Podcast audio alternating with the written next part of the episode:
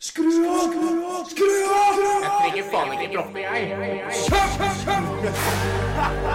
Hater mamma Er pluggen den nye russemamma-podden. Mamma, pappa sa take down twice, alright Men jeg har mye heller lyst til å rulle tonight Nå er det russetid, dagene fly forbi mye idioti, men hva har det å si? Russetiden er litt forbanna, ta og hør litt på russemamma. Vi må være tidlig ute når det gjelder lover og regler.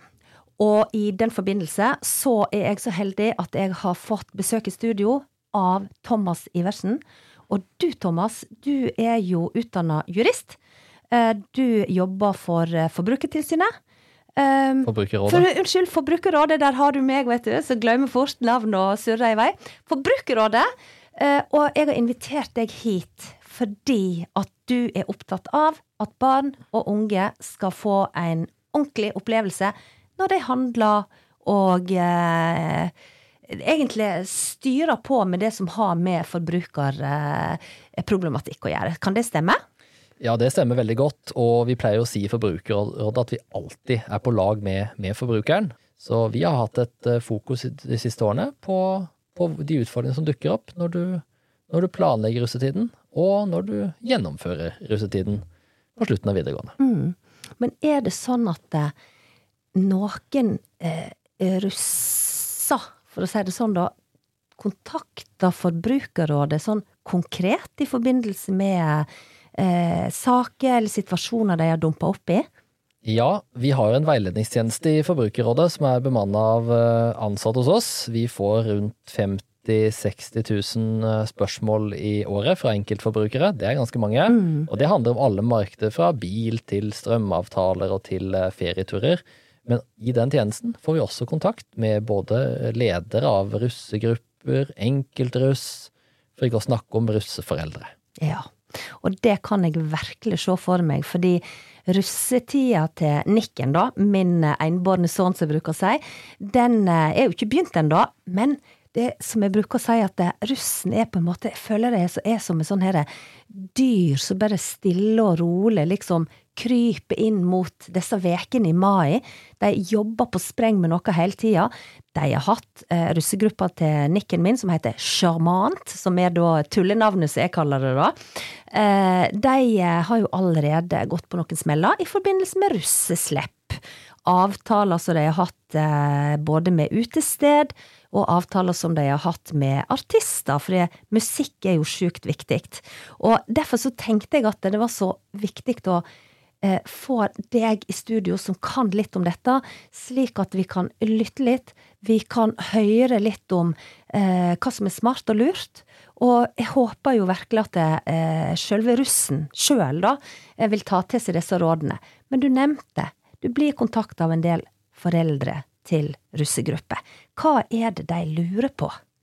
Foreldrene tar kontakt med oss ofte mye tidligere enn man, man skulle tro. Og det tidligste jeg har blitt kontakta av en russeforelder, var en, en, en forelder til en jente som gikk i slutten av niende klasse på ungdomsskolen. Oi. Der eh, enkelte av hennes venninner hadde blitt kontaktet av utvalgte firmaer, som allerede da tilbød seg de tjenestene de kan, de kan tilby da, i forbindelse med planlegging russefeiringen. For det er jo sånn at russefeiringa er jo på slutten av videregående, på vårparten. Eh, ganske få uker og alt sånt, men planlegginga skjer jo mange, mange år før for de som er mest innbitte. Henvendelsen vi får fra, og som jeg får da, fra for foreldre, handler jo om alt ifra at uh, elevene eller barna har kjøpt ting som ikke de, de får, til at avtaler ikke holdes, rett og slett, til at uh, barna, og de er jo barn rettslig sett fram til de er 18, blir presentert for eh, kontrakter og avtalevilkår som, som er veldig omfattende og vanskelig å forstå hva egentlig går ut på, som er skrevet veldig juridisk, langt, og som ved første gjennomlesning i hvert fall, fra både foreldre og barn, ikke fremstår som veldig balanserte, da. Men er det sånn at dess lengre kontrakten er, med dess mindre skrift, dess mer eh, lett er det å bli lurt, på en måte? Både ja og nei. Eh, I mange av markedene vi snakker om her, da, der man skal kjøpe sanger, eller skal leie eh, en buss eller skal eh, være med på en festival osv., er jo kjøpsavtaler som ikke er regulert av eh, noen av de det vi kaller for vernelover, dvs. Si de lovfesta forbrukervernet vi har i Norge. Det er jo sånn at Norge har et av de Europas beste forbrukervern. Ingen tvil om at vi har veldig gode rettigheter her i Norge. Men når det gjelder en del forbrukertjenester, sånn som eh, leie av lydutstyr, lysutstyr, kjøp av musikk, designtjenester eksempel, så er det ulovfesta mye av det vi snakker om. Og da er du avhengig av en litt lengre kontrakt, fordi du har ikke regelverket bak å fylle på med hvis det skulle bli konflikt. Men det regelverket er det som, som står i kontrakten, er det jo den som skriver kontrakten, altså den næringsdrivende, som vanligvis utformer. Og da kan det bli både langt og vanskelig. Eh, Thomas, når du sier at det ikke er regulert, kan du forklare litt mer hva det betyr? Det kan jeg forklare. Hvis du for eksempel kjøper en russedress, da, så er det et kjøp av en ting. Det er eh, omfattet av forbrukerkjøpsloven. Den regulerer kjøp av ting. Hvis du eier en russebuss eller en russebil og tar den med til et verksted for å få gjort en liten jobb på den, da er det en håndverkertjeneste, og det omfatter håndverkertjenesteloven. Selv om ikke det er en snekker, selv om det er en mekaniker.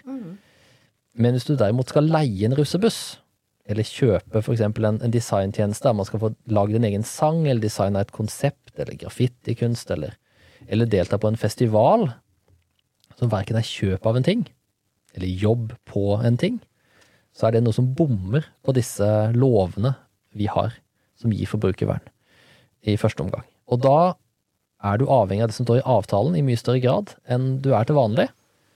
Noe som eh, fort fører til at eh, avtalen blir lengre, det er mer å lese, og du er mer avhengig av å, å lese avtalen enn før.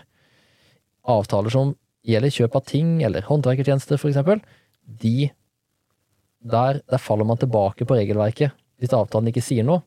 Og det er jo egentlig veldig bra, fordi regelverket er jo forbrukerretta, og er liksom tar forbrukerhensyn, da. Nei, men det er ikke helt lovløs, selv om uh, man inngår en avtale om leie av russebuss eller kjøp av eh, festivaltilgang for gruppa si. Det er noen grunnleggende regler som uansett må være på plass. Og vi har jo for eksempel det vi kaller for avtaleloven, som er en eh, lov i Norge som gjelder på en måte all avtaleinngåelse. Den har enkelte bestemmelser som retter seg spesielt mot forbrukere, og spesielt mot det vi kaller standardkontrakter. Det vil si kontrakter der selger, eller næringsdrivende i hvert fall, har bestemt vilkårene 100% der ikke du har vært inne og forhandla noe særlig som, som kjøper, og det er jo tilfellet i veldig mange av disse tilfellene. Men når det er det du kaller for uregulerte kontrakter, er de mindre gyldige da enn ei kontrakt som er regulert? Nei, det er ikke mindre gyldig, og du vil jo aldri få en, en kontrakt som gjelder et ulovfesta område til å bli lovfesta. Hvis du skal leie en russebuss, så er det en, en kontrakt som ikke er omfatta av forbrukerkjøpsloven eller noen av de andre vernelovene våre. Og da er du avhengig av avtaletolkning, for eksempel, for å finne ut av om kontrakten er hva den egentlig gjelder, da. Og det er det uansett, for så vidt. Men en avtale kan være urimelig i sitt innhold.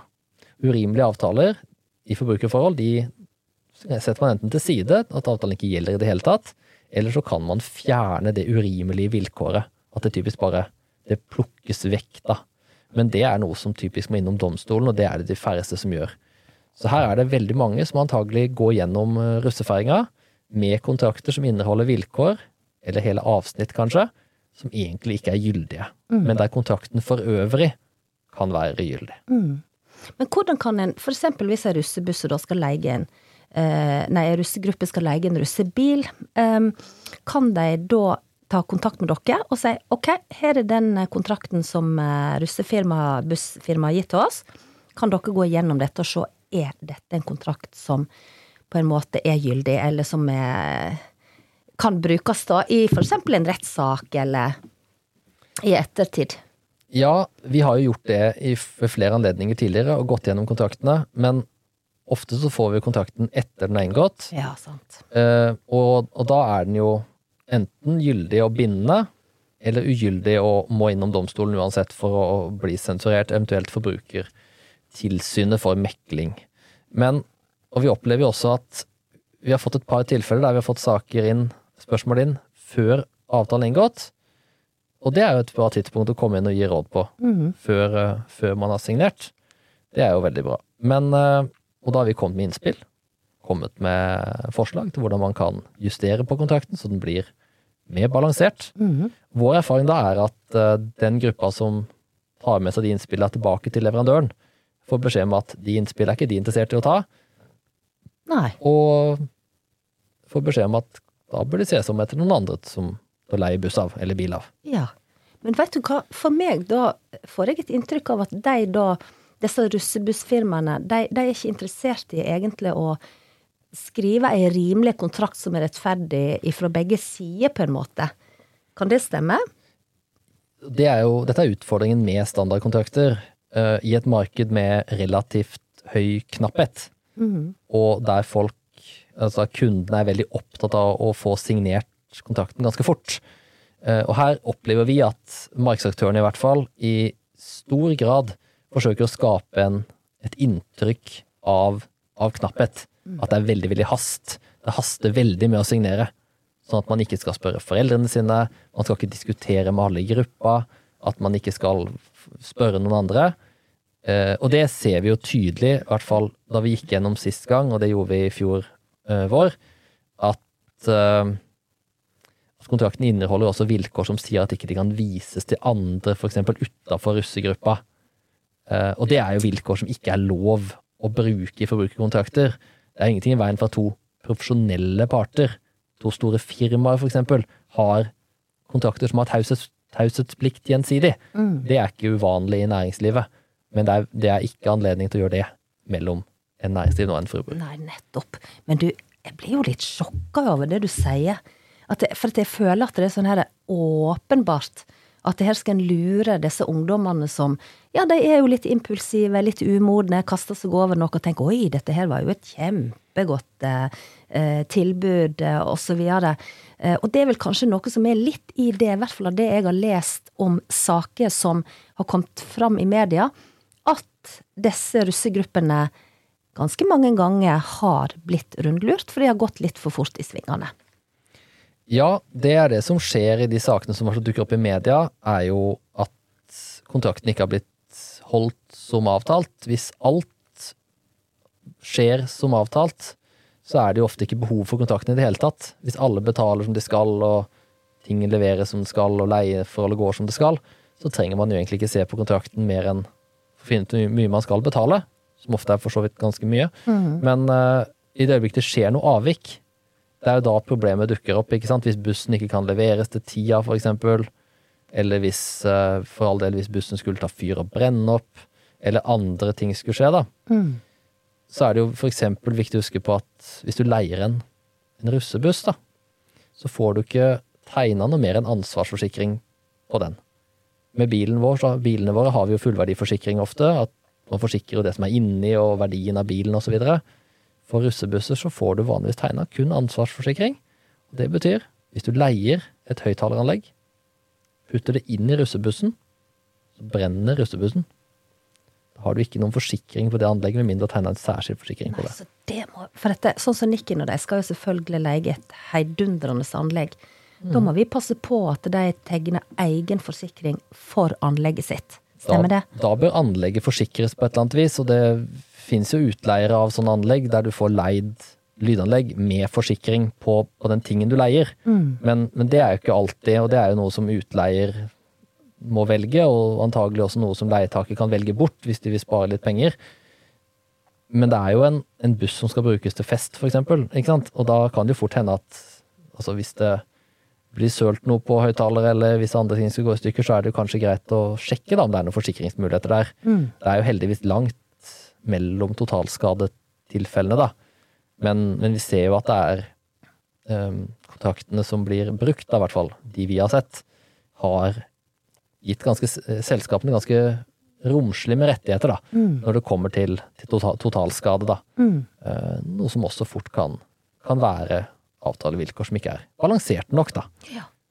Åh, men det ser jo for meg er dritviktig med tanke på festing, søling, spying, alt mulig, og anleggene er jo svinedyre.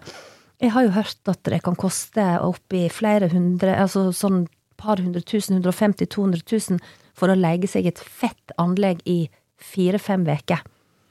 Ja, og den typen leiepriser har vi også sett. Eh, Og det er, sier jo litt om verdien av de, eh, de, eh, det utstyret som, som blir leid ut, da. Mm. Og fort kan alt av høyttaleranlegg forsterkere og alt lagt sammen være mer kostbart enn bussen, hvis du er uheldig. Og det vil jo kunne være en veldig voldsom kostnad hvis det skulle bli ødelagt, eller, og ikke man har noen forsikring på det. For på samme måte som hvis du leier en bil for eksempel av et utleiefirma når du er på ferie, hvis den kommer tilbake helt ødelagt, så, så har jo du et, et problem. Hvis ikke det er noen forsikring på den. Um, så her er det jo viktig igjen sant, å lese, sette seg inn i kontraktene som, før man inngår, og jeg er veldig opptatt av at man skal spørre om, spør om hjelp. Spørre om hjelp hjemme, spørre om hjelp andre steder. Og, og hvis ikke du får gjort noe med de vilkårene som er litt eh, stramme og strenge, og kanskje til og med ser litt uh, dårlige ut, så må du enten være veldig bevisst på at du inngår en avtale som har en høy risiko, og faktisk vite at du tar den risikoen, eller bare være litt tøff og si nei, og så velge noen andre og se om det går. Ja.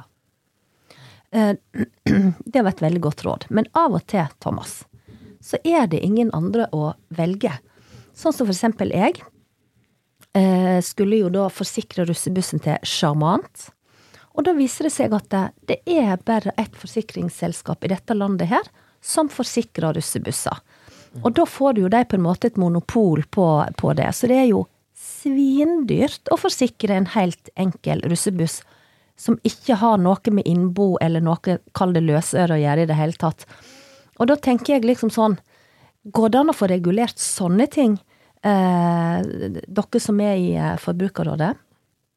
Ja, forsikringsplikt er jo noe som er lovregulert til en viss grad, og det nyeste innenfor forsikring for privatpersoner er jo eh, da elektriske sparkesykler eid av deg og meg må ha ansvarsforsikring for å kunne bli brukt lovlig. Det er jo en forsikringsplikt som dukket opp eh, fra lovgiverhold, nettopp fordi man, man så at det var skadetilfeller, folk kjørte i berusa tilstand og en del andre ting, så man var avhengig av å definere det produktet som noe annet enn det det var. Det er ikke lenger sykler, det er definert som motorkjøretøyer. Med forsikringsplikt og ansvar og sånn. Det er jo mulig selvfølgelig å gå en regulatorisk vei med en russebuss og pålegge øh, bransjen en forsikringsplikt på det, men det skal ganske mye til for at man griper inn i et marked som forsikringsmarkedet. Eh, her er det i utgangspunktet sånn at markedet må få lov til å bestemme en del selv. Eh, og når det ikke er stor Altså det er relativt lav etterspørsel etter den typen forsikringer, fordi det er jo ganske få russebusser på markedet. Noe som gjør at det er nok ganske vanskelig for et selskap som ikke har dette forsikringsproduktet i dag, å bestemme seg for å gå inn, inn i markedet, i og med at det kanskje er bare en håndfull potensielle kunder der. Da kan det jo fort koste mer enn det smaker til det samme sånt produkt. Så, så det at det er monopoler og få tilbydere, det er jo aldri bra for prisen. Men det er et eh, det er en utfordring når vi har eh, et så lite marked, uansett. da. Ja, for det forsto jeg når jeg tok den ringerunden da, til Trygg for eksempel, og sånn, så sa de jo det at eh, vi eh, driver ikke på med å forsikre russebusser, fordi at det er altfor stor risiko for oss. Um, så jeg forstår jo det, at det blir Enten så blir det altfor dyrt for kunden, eller så er det altfor dyrt for eh, forsikringsselskapene, rett og slett. Sånn som jeg forsto det, da. Ja, Det blir jo aldri altfor dyrt for forsikringsselskapene, fordi risikoen de tar, kalkuleres alltid inn i forsikringspremien. Så, så hvis det er dyrt, hvis det er en høy risiko, det vil si at enten sannsynligheten er stor for skade, eller, eller og eller konsekvensen for skade er veldig høy, altså konsekvensen ved skade er veldig høy, så vil forsikringsproduktet bli veldig dyrt. Ja. Det er det garantert. Det er på den måten vi ser at sånn som reiseforsikring er relativt rimelig, fordi så godt som alle har det, og det skjer relativt få skader på reise. Derfor har vi billig reiseforsikring som dekker hele familien. Det er også derfor det koster mye å forsikre en bil hvis du er ung og ønsker å forsikre en rask bil. Da har du en høy forsikringspremie, fordi risikoen er høyere. Du kjenner meg, russemamma, slutt å bry deg, du må se en annen vei. Men du, når du er inne på disse forskjellige forsikringsmulighetene, da, da spinner jo tankene mine litt videre på Kan det være lurt å forsikre russebarnet sitt eh, på en litt annen måte under russetida enn du har ellers? For en har jo gjerne forsikra sånn reiseforsikring, og så har du ulykkesforsikring, og så har du litt sånn forskjellig på ungene òg. Men under russetida, er det noe som kan være litt smart å tenke igjennom i forhold til det? Jeg tenker jo at forsikringer på personnivå, da, personforsikringer, eh, i forbindelse med russefeiringa, bør jo egentlig være unødvendig ut, i tillegg, altså sammenligna med resten av, eh, resten av livet også, da. Eh, selvfølgelig er jo risikoen litt høyere for, for alt fra skader til uhell til ulykker mens du er ute på en såpass intensiv eh, partyturné, da. Ja. Men eh, nå er det jo heldigvis sånn at det er veldig, veldig sjelden at skader i forbindelse med russefeiringa eh, er av det kaliberet, da. At du har behov for personforsikringene dine. Eh, for da snakker vi om uførhet og, og på en måte varige medisinske skader, da. Ja, for det var litt sånn jeg tenkte på. For du skjønner det at eh, jeg har jo hatt politiet her på podkasten, og da eh, kunne han fortelle at det, det er en del som debuterer med vold i russetida. Enten at de eh, blir voldsmenn sjøl, eh, altså sånn de kommer i situasjoner hvor det blir slåssing, eller de blir utsatt for vold. Og da tenker jeg at da kan jo en være ekstremt uheldige og eh, eh, komme opp i en situasjon hvor en får en skade som en tar med seg resten av livet. Ja, selvfølgelig. Det er jo alltid en, en mulighet at man kan bli utsatt for f.eks. blindevold, eller en type uprovosert aggresjon, da. Når man er ute, ute på byen, eller ute på festival eller russefest. I tillegg så er det jo, ser vi jo eksempler hvert år på at folk får alt fra blåmerker til det brekte bein eh, etter å ha vært på en russebuss, eksempel, blåbremsa litt, eller et eller annet sånt noe. Så det er jo ingenting i veien for å ha en forsikring, og ha en god forsikring på personen. Det, det er nok smart. Men igjen, altså, det viktigste er at de, selv om man skulle råke ut og, og få en skade eller to uh, i forbindelse med, med feiringa, så er det heldigvis sjelden at du har, har behov for det tilbudet forsikringa gir, da, og da vil jo helsevesenet hjelpe deg så langt det går. Uh, og så er jo en eh, man må jo alltid velge selv hvilke forsikringer man tegner. Ja, selvfølgelig. Og det jeg blir veldig glad for at du sier at det er veldig sjeldent at en opplever en sånn type situasjon eller skade, da. Da ble jeg litt sånn beroliga, for at jeg som mamma er jo bekymra for alt dette her farlige som, som kan skje. Eh, og de er jo så unge, og når jeg tenker på alderen deres, når de begynner, sånn som vi snakket om innledningsvis, allerede første året på videregående. Du har til og med foreldre som har unger i niende klasse som tar kontakt og har spørsmål rundt dette. Um, hva med aldersgrense på signering av kontrakter? Kan ikke du fortelle litt uh, hva er greia og reglene der? Her har vi egentlig ganske greie regler som er enkle å forholde seg til, selv om ikke de alltid blir fulgt. I Norge så har vi noe vi kaller vergemålsloven. Det er en lov som regulerer eh, mindreårige, blant annet sin eh, rettslige handleevne, som vi sier. Altså evnen til å inngå bindende avtaler eh, for fremtiden, da. Det vil si pådra seg en eller annen form for gjeld eller betalingsforpliktelse. Barn, også barn under 18, altså personer under 18 år, kan inngå avtaler og bruke egne penger de har disposisjon over. Tenk deg en, et barn på fem år som får en femtilapp for å kjøpe seg en is. Den avtalen er jo bindende. Det samme gjelder en, en tenåringsjente som bruker ungdomsbankkortet sitt og kjøper seg en bukse for egne penger. Den avtalen er også bindende. Det man ikke kan gjøre når man er, eh, når man er under 18 år, er å sette seg i gjeld. Enten det er et lån i betydningen altså tradisjonell kreditt, eller å binde seg til en avtale som forplikter til betaling i, i fremtiden. Og det er jo det mange av disse kontraktene egentlig er. Man betaler et depositum ved signering, enten det er en eh, festival, eller en, en bussleie, eller en lokal leie, eller hva det enn er for noe. Og så forfaller betalingene litt etter litt. Den avtalen er ikke, den binder ikke, enkelt og greit, når du er under 18 år. Så her må foreldrene inn og signere på vegne av barna sine. Og etter hvert som barna blir eh, 18 år og myndige, så kan de signere ut foreldrene sine fra den kontrakten. Så da vil etter hvert som måte, tida skrider fram, så vil kontrakten etter hvert da kunne fylles på med av, unge, av de unge voksne selv, 18-åringene. Men før de er 18, så er det ikke greit. Men vi opplever jo det eh, litt sånn merkelig, da. At en og annen i russegjengen kan være 18 år. Og det kan jo være mange grunner til at en person har hoppa over et år på en eller annen skoleklasse, for eksempel, begynte da for tidlig i første klasse. Kanskje han, har kom, han eller hun har kommet til Norge som innvandrer og begynt på skolen et år seinere pga. språk. Det er mange grunner til det. Og da vil jo én fort kunne være over 18 år. Eller 18 år eller mer, da. Og da ser vi at den ene personen av og til signerer på hele sulamitten. Ja. Det er jo ikke helt heldig. For jeg tenker jo med en gang at det, Jeg har jo lest skrekkhistorier hvor én elev på russegruppa har signert, og så er russetida over, og så har de en del eh, gjeld og forpliktelser, og så blir alle spredd for alle vinder, og så er det denne stakkaren som sitter i klisteret, rett og slett. Ja, det må man tenke på før man signerer, men igjen, her går det alltid, i hvert fall min erfaring, at det går kjempefort.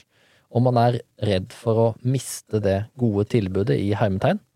Og man er redd for at tilbudet skal gå til andre, enten det er et festivalpass, eller en artist, eller en buss, eller hva det er for noe. Da er man redd for å, man er redd for å miste, da.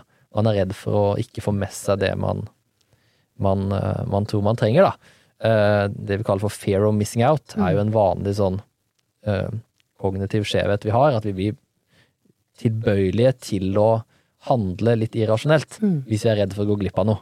Og det ser vi jo et veldig utslag av her. Og hvis du er ung, så er du litt ekstra disponert for det. For den sosiale stigmaen det er å føle på å falle utafor, Ja. den er veldig stor i russefeiringa og i forberedelsen til det.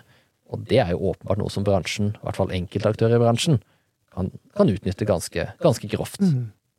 Men du, jeg bare tenker på det med Ok, så har jeg russegruppe, en som er litt eldre, signerer på alt. Men disse her eh, signeringene som foregår kanskje allerede i første klasse, andre klasse, hvor de aller fleste er bare 16-17 år, så har jeg hørt at foreldre signerer. Hva, hva tenker eh, dere som jobber med dette her om det at foreldre sitter og signerer på alt mulig rart?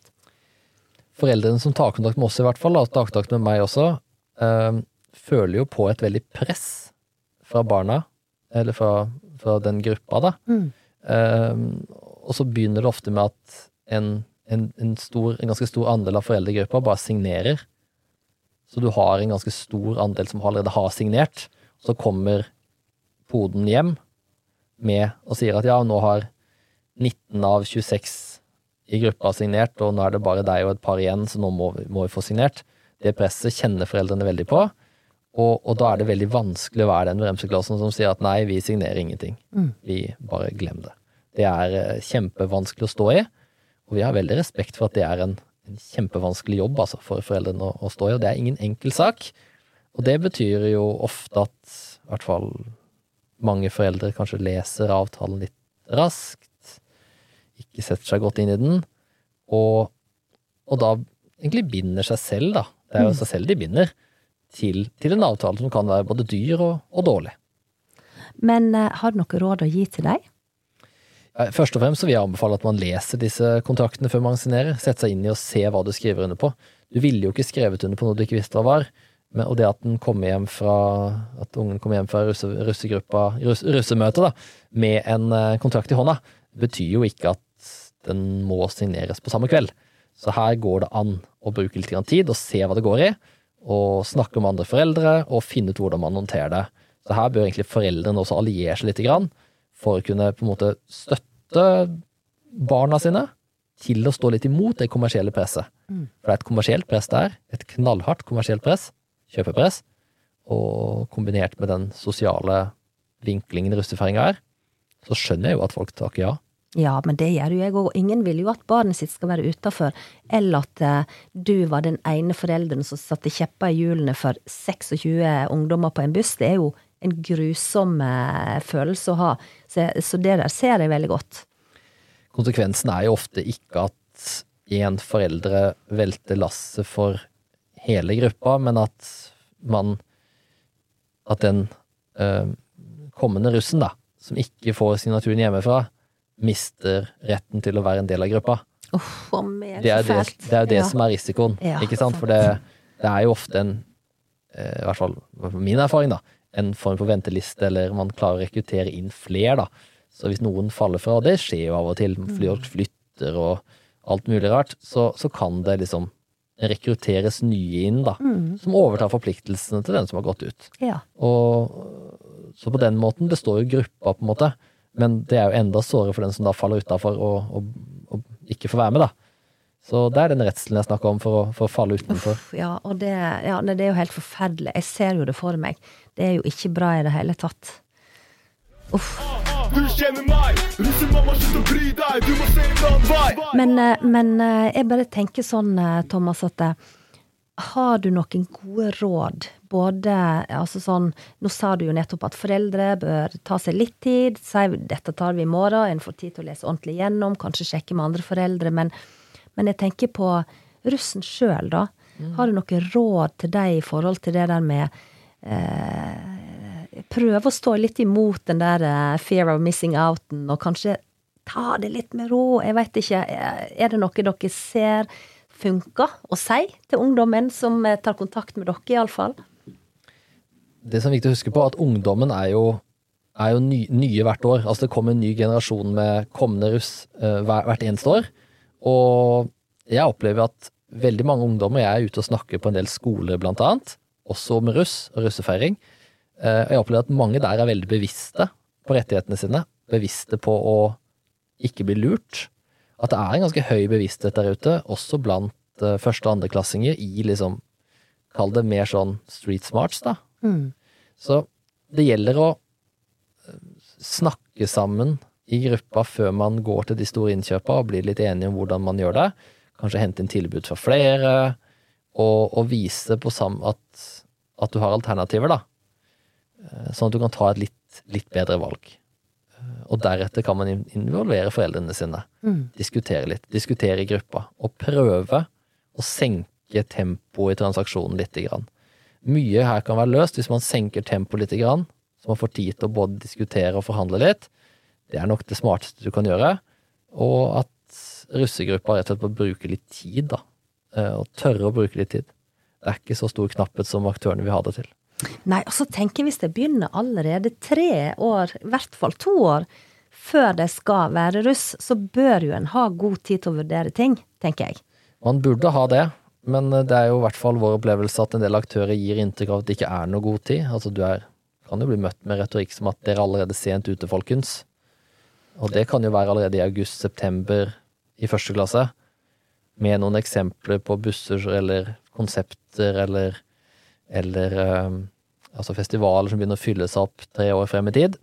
Så det er viktig å være litt altså, Jeg er opptatt av at man skal ta den typen markedsføring og forhandlingstriks litt for det der.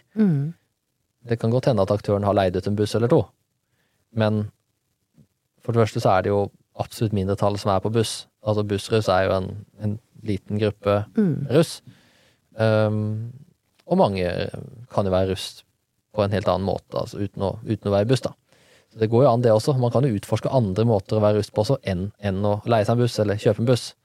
Det, det går også an. Men uh, Forbrukerrådet legger seg i utgangspunktet ikke opp i hvordan folk bruker pengene sine. Altså, jeg er opptatt av at folk skal gjøre en god handel. Man må velge å handle. Det skal være trygt og ryddig. Man skal ikke bli lurt. Men nøyaktig hva man bruker penger på, det kan folk velge selv, inkludert barn og unge. Det er jeg jo helt enig med deg i. At eh, valget må jo en stå for sjøl, og det står en fritt eh, til å ta. Men eh, litt før vi gir oss, Thomas, jeg vil bare, for at jeg snappa opp det når du snakka Du sa du er litt rundt omkring på skoler og rundt omkring og snakka eh, om eh, akkurat dette her. Eh, og jeg møtte jo deg på Arendalsuka, mm. hvor jeg eh, var nysgjerrig og var på et, eh, en debatt, rett og slett, eh, som heter 1000 dagers russ, var det det? Det het Russetid i 1000 dager. Ja, i tusen dager! Fy fader, det, det, det er lenge. Russetida er jo lang når du begynner allerede i 9.-10. klasse. Men, men fortell litt om hvordan dere tenker rundt det med sånn forebyggende arbeid som handler om dette her med å ja, hjelpe disse eh, ungdommene litt eh, i forbindelse med å komme seg gjennom denne russetida? Vi er jo opptatt av at det forebyggende arbeidet må skje flere linjer. Det må skje fra hjemmet, fra skolene og fra, fra myndighetene. Og, og, hvis ikke alle samarbeider om det her, så har vi nesten ikke noe håp om å kunne gjøre noen store endringer. Da vil jo det frie markedet fortsette å eksistere sånn som det gjør. Og, og man, er avhengig av at, at uh, det gjøres uh, tiltak og at man tester litt forskjellige ting, da, både fra skoleeiers side, altså fra skolenes side, men også fra andre, andre myndigheter. Da. Vi har jo også tett samarbeid med Forbrukertilsynet, f.eks., for eksempel, tilsynsmyndighet på forbrukersaker i Norge, der vi har sendt over en god del med avtaler til dem, og bedt om en, rett og slett en, en rimelighetsvurdering av dem, i håp om å dytte, dytte avtalene som blir brukt, over den kritiske grensa fra ulovlige til bare dårlig. Ok. Men det er jo et godt stykke på vei, da. Det er et godt stykke på vei, um, og det er jo tross alt ikke ulovlig å inngå en dårlig avtale, men en urimelig avtale er jo forbudt å bruke i forbrukerforhold.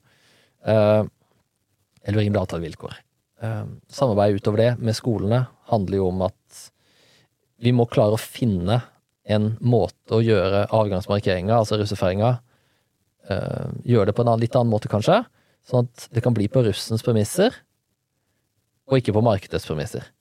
For i dag opplever vi at russefeiringa er på markedsaktørenes premisser. Det skal være en feiring av endt skolegang, og det skal være en fin tid. Mange gleder seg til den, og det tenker jeg folk kan fortsette å gjøre.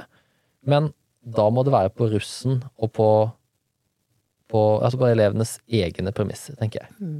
Og det er det vi jobber med skolene, Forbrukerrådet, andre myndigheter. Oh, ja, vet du hva, det blir jeg veldig glad for å, for å høre om, fordi jeg var jo russ på 90-tallet, eh, og jeg ser jo det nå, eh, en del år etterpå, da, at eh, det er alle disse her Alt, alt det der kjøpet av hoodier, pannebånd Altså, de har jo to navn. Noen har tre slepp. Det, det er jo helt vilt. Det er helt vilt. Det kan du si.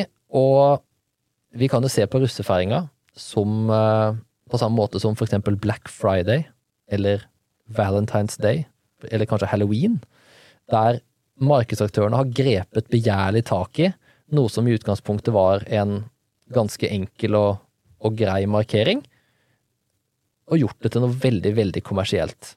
Eh, og det samme har skjedd med russetida til en viss grad. Det har alltid vært et visst innslag av kjøp, handling og kjøping av ting, men da har det vært, vært russedress og russekort og en russelue og litt sånn småting.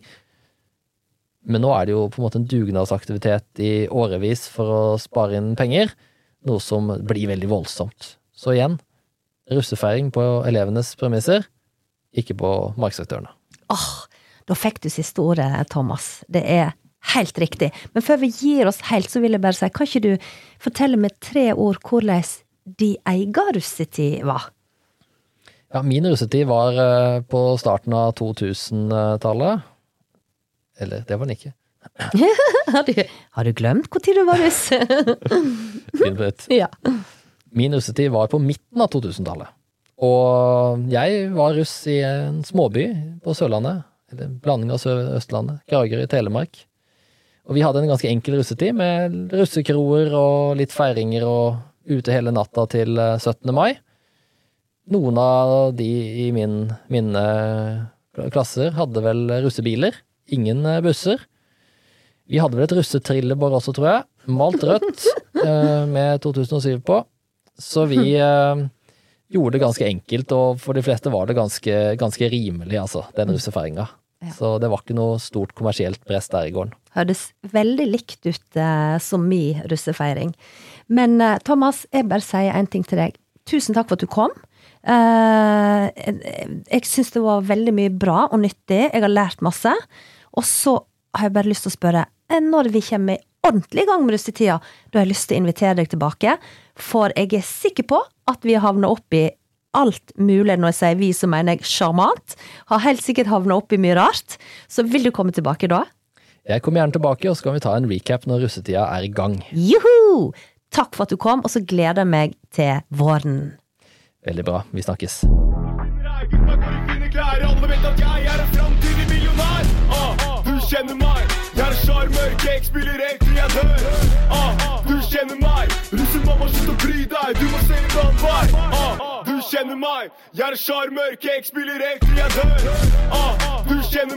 jeg slutt å bry deg, du må se en annen vei.